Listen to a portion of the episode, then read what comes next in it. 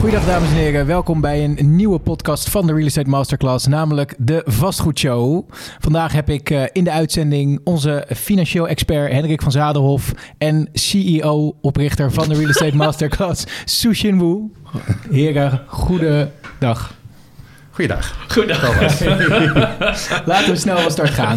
Um, waar we het vandaag even over willen hebben, dat is um, de overwaarde die uh, mensen op hun, uh, op hun woning hebben. Um, wij krijgen heel vaak de vraag van mensen van... joh, ik wil graag die overwaarde opnemen... en eigenlijk met die overwaarde aan de slag gaan om uh, ja, vastgoed aan te kopen. Mm -hmm. um, laat ik bij jou beginnen, Sushin. je hebt veel mensen getraind. Ja. Um, is dit iets wat jij al met veel cursisten hebt gedaan?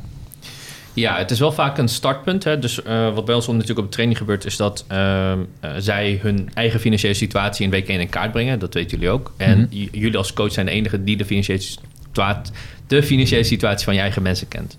En daarin zie ik wel vaak dat mensen inderdaad overwaarde hebben. Um, of ze die dan gebruiken, dat kost natuurlijk wat tijd. Hè. Want als je over, je hebt twee, twee soorten overwaardes trouwens, dat heb ik nog niet genoemd. Eentje is op je eigen woning en op je vastgoedportfolio. Op je eigen woning, ja, daar zie ik wel inderdaad cursisten mee starten om bijvoorbeeld 1, 2 ton eruit te halen en daarmee dan cash bijvoorbeeld andere woning te gaan kopen. Uh, het is eigenlijk ook een redelijk makkelijke manier om te beginnen in het vastgoed. En je hebt enorm veel geld gewoon in je stenen zitten.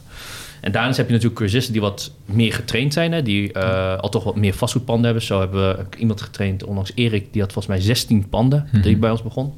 En hij had dan redelijk fatsoenlijk portfolio. En bij hem zie je dan ook van wauw. Weet je, hij kan gewoon toch wel redelijk wat overwaarde in één keer eruit halen. En daarmee ook verder gaan. Dus ja, het is ook een welgebruikte methode, volgens mij binnen het vastgoed te investeren. Dus, duidelijk, ja. duidelijk. Dus, uh, Hendrik, als ik dit zo hoor, dan een piece of cake hè, om die overwaarde te gebruiken. Is dat zo? Uh... Ja, ja, dat is op zich een piece of cake. Het is, uh, er gelden maar twee voorwaarden. Je moet, de waarde van je huis moet hoger zijn dan je hypotheekwaarde. En je inkomen moet voldoende zijn om die hogere hypotheek te kunnen betalen. Als je daar al voldoet, uh, dan kun je in principe altijd die, die overwaarde eruit halen en gebruiken om te gaan investeren in vastgoed. En okay. dat is je eigen huis, hè, bedoel je dan? In je eigen ja. huis, ja. En hoe zit dan met een vastgoedportfolio die wij hebben ten doele van verhuur bijvoorbeeld?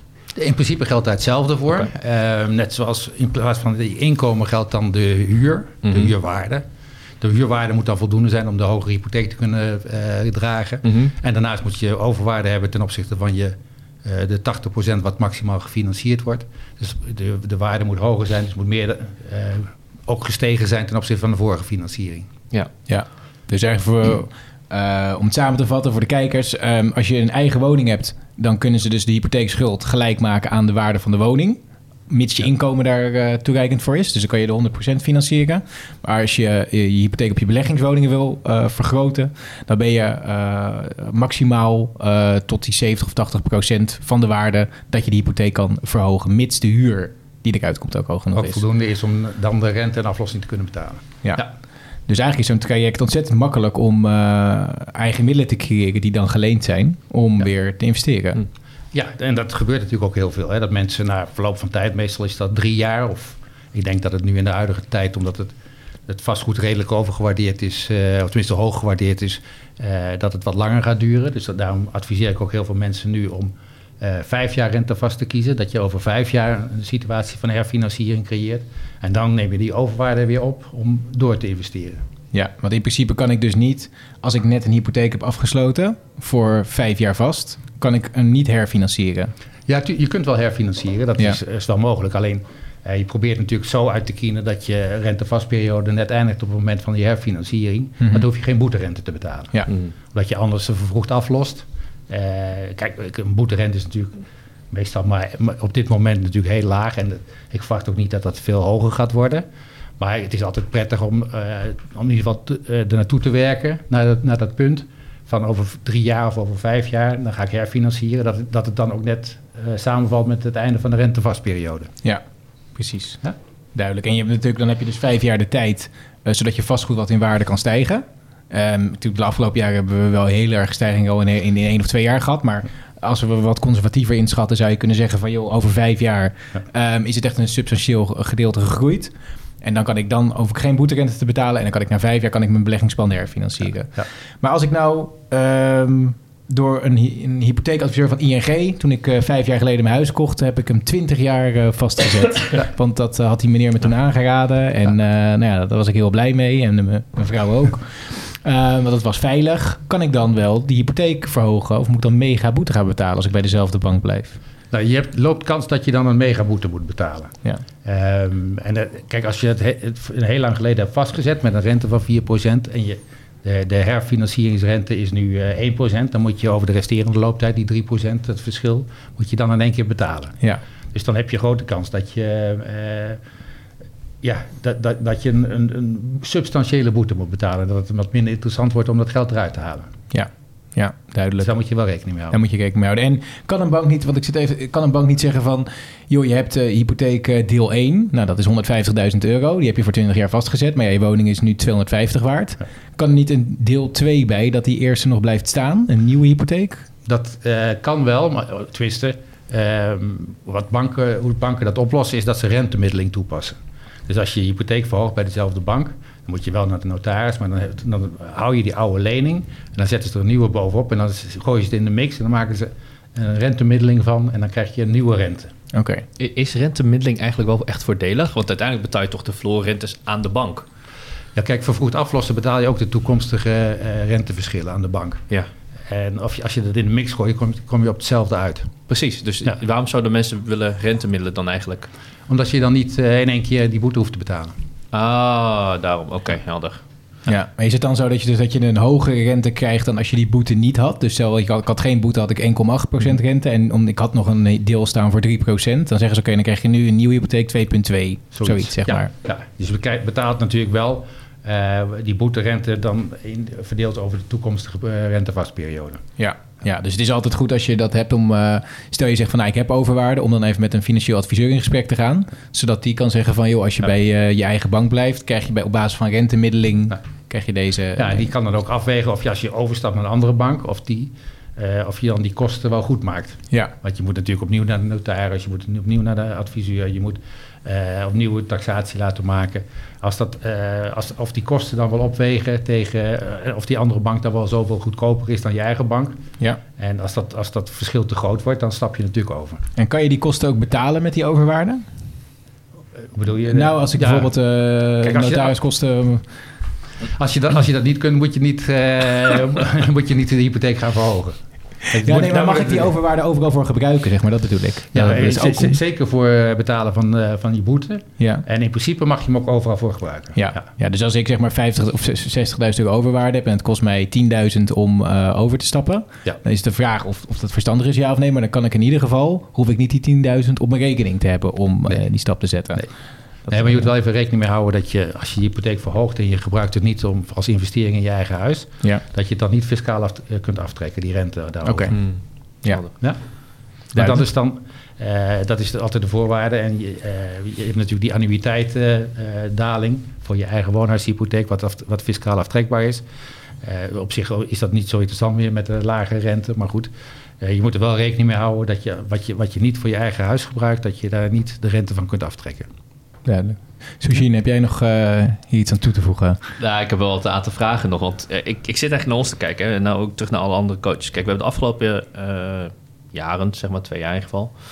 eh, hebben toch wel best wel een significante waardestijging in ons portfolio meegemaakt. Ja. Wat is dan een goed moment om te... of hoe bepaal ik wat een goed moment is eigenlijk om overwaarde te gebruiken... Hè, en daarbij dus de kapitaal vrij te maken... en daarmee de volgende klappers zeg maar, te maken. Dus ik, ik zit daarmee te stoeien, want eh, een praktisch voorbeeld is... ehm, voor de mensen die dan mijn webinar hebben gekeken... mijn allereerste pand, die kocht ik dus toen tijd voor 137.000 euro. Ik heb ehm, van de week nog gecheckt, ik heb iets van 99.000 euro nog over qua hypotheek. Nou, en dat pand is nu, als ik kijk een beetje op Funda, 180, misschien tot 200.000 euro waard. Hoe, ga ik bepalen of van, ik ga het nu eruit halen om te verder te investeren? Ja. Eh, en hè, dan moet je je voorstellen dat ik natuurlijk nog meer dan één pand heb. Ja, ja. dus hoe, hoe, ja, hoe maak je dat besluit? Hoe, wat zou je daarop Ja, zeggen? hoe- nou ja, je, dat, je moet natuurlijk erg, ergens ligt een keerpunt. Ja. Hè? Je, als je, als, voor 5000 euro ga je niet eh, de hele riedel door. Mhm. Het maken van kosten, eh, notariskosten. Dus er moet, ligt ergens een, een omslagpunt. En, het, en het, je moet ook een visie hebben. Ja. Want de, eh, als, de, als je ervan uitgaat dat de vastgoedmarkt gaat groeien... Ja. dus dat je waarde eh, toename groter is dan 2%... dan moet je dus proberen maximaal eh, in vastgoed ex- exposure te hebben. Ja, Nou, en als je dat, dus dan betekent dat het dan snel rendabel wordt om je overwaarde eruit te halen en meer te investeren, extra vastgoed erbij te kopen. Mhm. Als je dat, dus da- daar zit een beetje eh, in je visie Ja. en eh, hoe groot de overwaarde is. ja, En als je voor overwaarde is van, ik heb het laatst iemand afgeraden voor 40.000 euro, zei van ik ga het toch doen. ja. Nou, die zegt, ja, zegt, maar ik kan, met die 40.000 euro kan ik net een extra pand kopen. Ja. Zeg, ja, dan is het wel rendabel. Ja. ja. Maar voor 40.000 euro, 5.000 euro kosten maken, vind ik een beetje een hoop geld. Ja, Ja, en dan staat dat geld op je rekening tegen bijvoorbeeld 3,5% rente. Ja. Die- Want je hebt het geleend, staat het geld te kosten op een spaarrekening die niks oplevert. Ja, ook Ja. dat nog. Dus Ja. je moet niet geld eh, vrijmaken om het op je spaarrekening te hebben. Maar als je een doel hebt om. eh Maar als je er niks anders mee kan, omdat het eh 10.000 euro is, Ja, dan... dat er nog in bitcoins. Ja. ja. Nou, Nee, maar normaal gesproken, dus eh, als, je, als je gaat doorinvesteren en je, je, hebt, je hebt het vertrouwen erin dat de mar- vastgoedmarkt doorstijgt, dan hebben we uitgerekend dat het dan altijd de moeite loont om die overwaarde eruit te halen. Ja. Maar als je, op het moment dat, je dat, eh, dat de vastgoedmarkt naar beneden gaat, dan ga je dus ook twee keer zo hard naar beneden. ja. En ik adviseer altijd mensen om niet helemaal tot 80% te gaan. En dat ook niet op langere termijn. Maar dat je dat in je opbouwfase van je portefeuille wel eh, gaat doen. Om Mhm. snel die opbouw te kunnen maken. En op een gegeven moment moet je wel een, zeggen van nu eh, stopt het. Nu ga ik mijn financiering een beetje afbouwen. Zodat ik wat crisisbestendiger word. Mhm. En als je dan, eh, want als je doorgaat en, en je gaat eh, 40 jaar lang door op, op het randje te lopen. Dan komt een keer een klap dat het naar beneden gaat. En dan lig je ook wel meteen op je rug. Ja, ja mits, de, je bedoelt, jij bedoelt dan op die zogenaamde margin call. Ja, die, dat nou, de bank ja. kan zeggen, ja, de, de verhouding waarde-schuld, Ja. die is nu uit verhouding geraakt. Ja, nee, nee dat is, op het moment, ga, stel dat er een keer een daling komt op de markt en je moet bijstorten en je hebt je- iedere keer alles maximaal eh, geïnvesteerd en gefinancierd en je hebt geen reserves, Mhm. Ja, dan, heb, dan lig je meteen op terug bij de eerste de beste tegen, tegenvallen. En er komt een keer een tegenvaller. Ja. Alleen die komt eh, nu niet en eh, volgend jaar niet, maar binnen, binnen 20 jaar komt dat een keer. Ja. Dus als je, als je er eindeloos mee doorgaat met alles maximaal financieren, maximaal investeren, dat, dat, dan, dan ben je een keer aan de beurt. Ja. Dus ik zeg altijd van stel jezelf een doel. Ja, Tot zover wil ik, eh, wil ik groeien. En dan zeggen, dan is het klaar. En dan ga ik, eh, ga ik naar een veiligere zone Ja. toe. Dadelijk een beetje af in mijn financiering. ja. Zodat ik crisisbestendig word. Ja. En, wat is een beetje eh, de algemene doel, zeg maar, waarbij mensen toch wel dat ene punt willen bereiken waarin ze eh, iets meer vermogensopbouw gaan creëren? Nou, dat moet je van tevoren een beetje vaststellen. En dat is natuurlijk bij, in de cursus vraag je dan om je freedom number. Hoe ver, hoe ver, wil je? Hoe ver wil je gaan? Wat heb je nodig? Eh, maar je kunt ook zeggen van, wat, wat ik dan zelf heb, is van een bepaalde portefeuille, hadden we tevoren afgesproken, 5 miljoen, dan stoppen we en dan is het klaar. En dan gaat de strik eromheen en dan eh, gaan we aflossen en dan gaan we naar, afdalen naar de veilige fase. Ja. En veilige fase, is dat voor jou bijvoorbeeld als je in het aflossingsvrije gedeelte zit van 50% loan to value, dat je cashflow ook hoog is? eh, ja, 50, 55 procent ongeveer. Ja. Ja. Ja. ja, dat lijkt me mooi, want dan, dan ben je ook je aflossingscomponent kwijt. Ja. En dan hoef je alleen nog maar de rente te betalen. Ja. En dan, eh, ja. En dan weet je ook zeker dat op het moment dat, je, eh, dat er iets, iets gebeurt, dat, eh, of, de, dat of de markt naar beneden gaat, dat je ook nog eh, makkelijk bij iemand anders terecht kunt. Ja. Dat je kunt herfinancieren bij een ander. ja, precies. Of dat je, als je ergens een grote investering moet doen, dat je dan je financiering kunt verhogen. Om, dat, om dat op te kunnen vakken, vangen. Ja. Dus dat is een beetje de, de, de strategie die erachter zit. Van, als je in de opbouwfase maximaal één is prima. Maar in de eh, fase van, eh, eh, als je dat eindeloos door blijft gaan, dan vraag je om problemen. Maar ja, nou stel dat, dat ik... Ik ben net begonnen, dus ik zit Ja. overal nog maximaal op 80% LTV, LTV. Nou ja, corona doet nu nog niks met de huizenmarkt. Nee. Stel 2021 wordt dat wel ehm, en de huizenmarkt gaat dalen. Wat, wat moet ik dan doen? Af- Aflossen.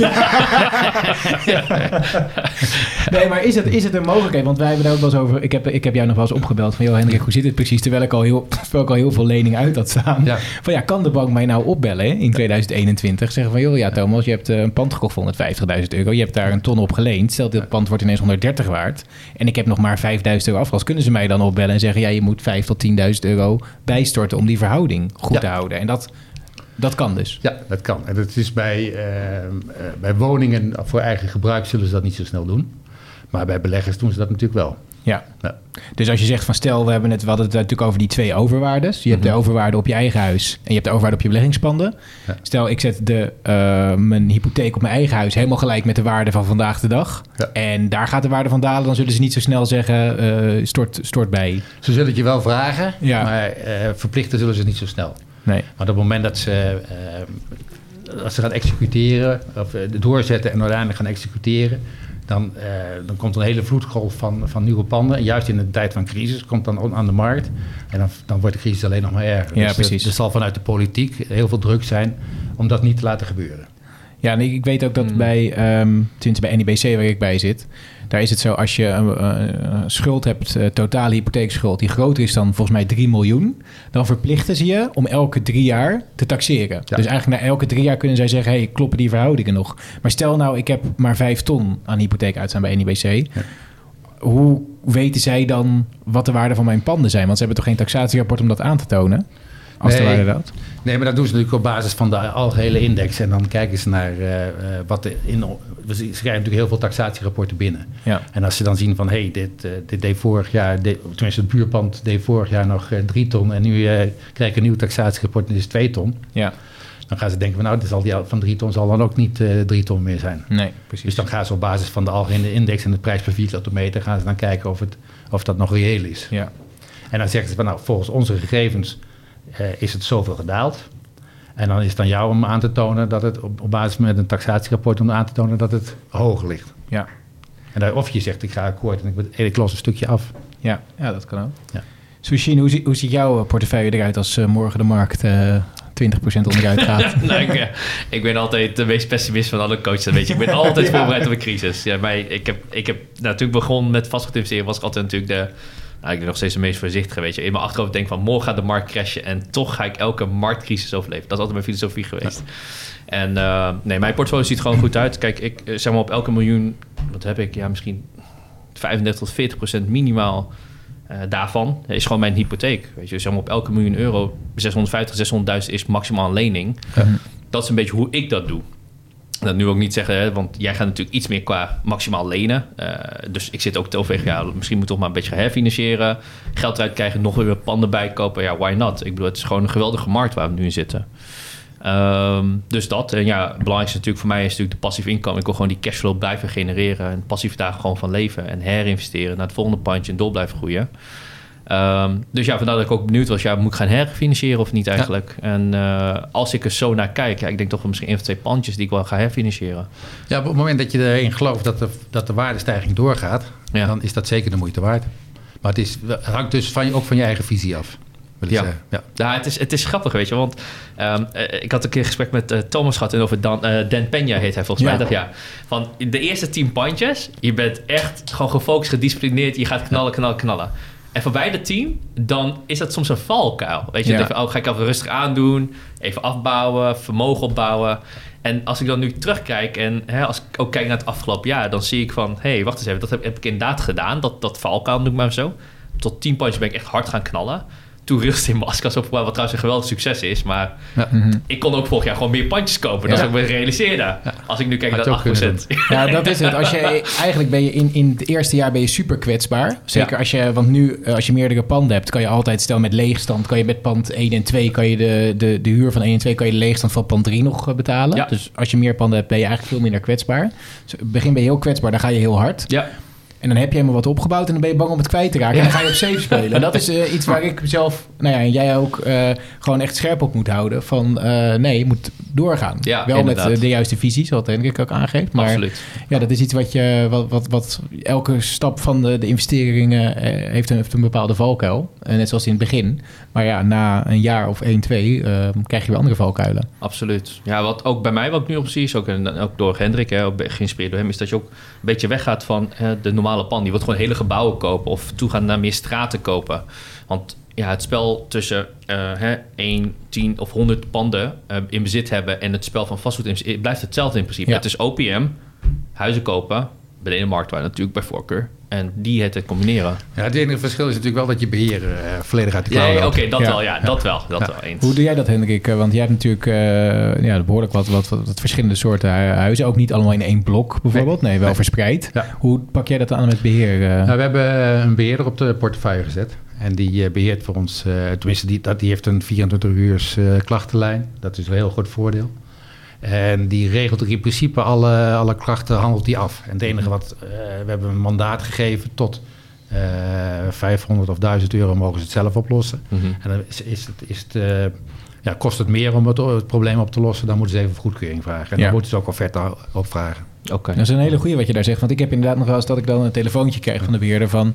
het kost 50 euro om het slot te laten repareren. Ja. Eh, is dat goed? En dan denk ik, ja, tuurlijk is dat goed. Want, eh, maar als je inderdaad op een gegeven moment eh, heel veel panden gaat bezitten... ja, dan krijg je heel veel van die telefoontjes. Ja. En dan eh, is het een mandaat erbij afgeven. Zo'n goede tip. Ja. Ja, dat is gewoon een mandaat van, van 500 of 1000 euro. Ja. Eh, we, hebben, eh, nu, we hebben het verhoogd van 500 naar 1000. Dat is, dat is wel makkelijker. Ja. Dus alle rioleringsdingetjes kunnen dan eh, in principe gedaan worden. Ja. Dat scheelt dan ook. Maar het is wel... eh, Uiteindelijk wil je het ook... eh, Het wordt altijd keurig in, in, in het portaal gemeld wat er dan, wat er dan fout gaat. Of wat, wat de klachten zijn.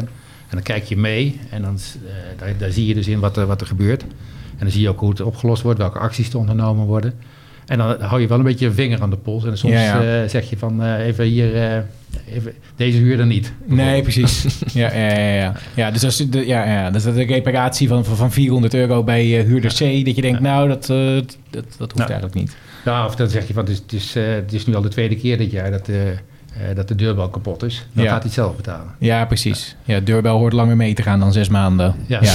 ja. Ja, Hopelijk wel, ja. Nou ja, bovendien staat het ook wel. Kijk, normaal gesproken hebben we ook een lijst met de kleine, de, de, de besluitenlijst eh, kleine herstellingen. Daar staat ook op dat dat soort dingen voor de huurder zijn. Ja, precies. En, dan, ja. en normaal gesproken doe je als eigenaar, eh, betaal je dat als het normale slijtage is. Maar eh, zes maanden voor een deurbal is niet normale slijtage. Dus dan zeg je, nou, lijst eh, eigen kleine herstellingen, het, het- het is aan jullie. Ja, Ja. Duidelijk. Dus dan incasseren ze dat bij de volgende huur gewoon eh, erbij. Ja. Heb jij nog andere eh, beheertips, eh Sushin, over... eh, Ja, ik heb heel veel van Hendrik geleerd. Hij heeft mij ook aangeleerd, je moet de verhuurder en de beheerder altijd scheiden. Conflict of interest krijg je anders. Oké, dus degene die voor jou het pand gaat verhuren... dat is een andere persoon dan de beheerder. Ja. Want ik heb dat inderdaad bijvoorbeeld nog bij één partij. Ja, nee, ik weet wie, ja. Ja. Nee, dus dat. En, maar je moet, je moet wel even uitleggen waarom. oh ja, sorry, nee, excuses. Kan ik ook nog wat leren? Ja, oké. Wat Hendrik mij heeft uitgelegd van, kijk, een, een verhuurders eh, interesse is in principe natuurlijk om te verhuren. Hè? Dus hij verdient, zeg maar, op elke keer als hij een huurder erin stopt, eh, een maand of halve maand van de huur. Als je dus dan de verhuurder en de beheerder dus onder dezelfde partij plaatst, dan heb je natuurlijk een eh, conflict of interest gecreëerd. Waarom? Omdat de verhuurder natuurlijk dan de interesse heeft om mogelijk alle goede huurders die je hebt, continu van de ene woning naar een andere woning te plaatsen, die Mhm. hij in zijn portfolio heeft. Dus zo creëert hij meer mutaties in zijn netwerk Dan dat nodig is. dan dat nodig is, inderdaad. Dus Ja. daar zit de conflict of interest die je dan vermijdt. En dat heb ik van Hendrik geleerd. Maar ik kan ook zeggen dat die huurder eh, zelf beslist... of die wet blijft in de woning of niet. Tenzij de verhuurder natuurlijk, eh, omdat hij ook eh, met beheerder misschien ook eh, hè, onder één hoedje dan valt, Ja. kan die zeggen van ja, maar ik stuur gewoon wel elke keer gewoon een opzeggingsbrief. Of ik zeg even tegen Thomas van hey, Hij ja, gaat weg. hij gaat weg of hij is niet goed of weet ik veel wat. En dan gaat hij gewoon circuleren. Ja, precies. Ja, en dan, dan kan hij weer eh één maand huur factureren Ja. bij het volgende pand. Ja, ja. slim. Ja, van, de, van, van die eh, partij. Ja, Zit je nu ja. bij je eigen portfolio te denken? Van welke opzeggingsbrief heb ik allemaal gehad?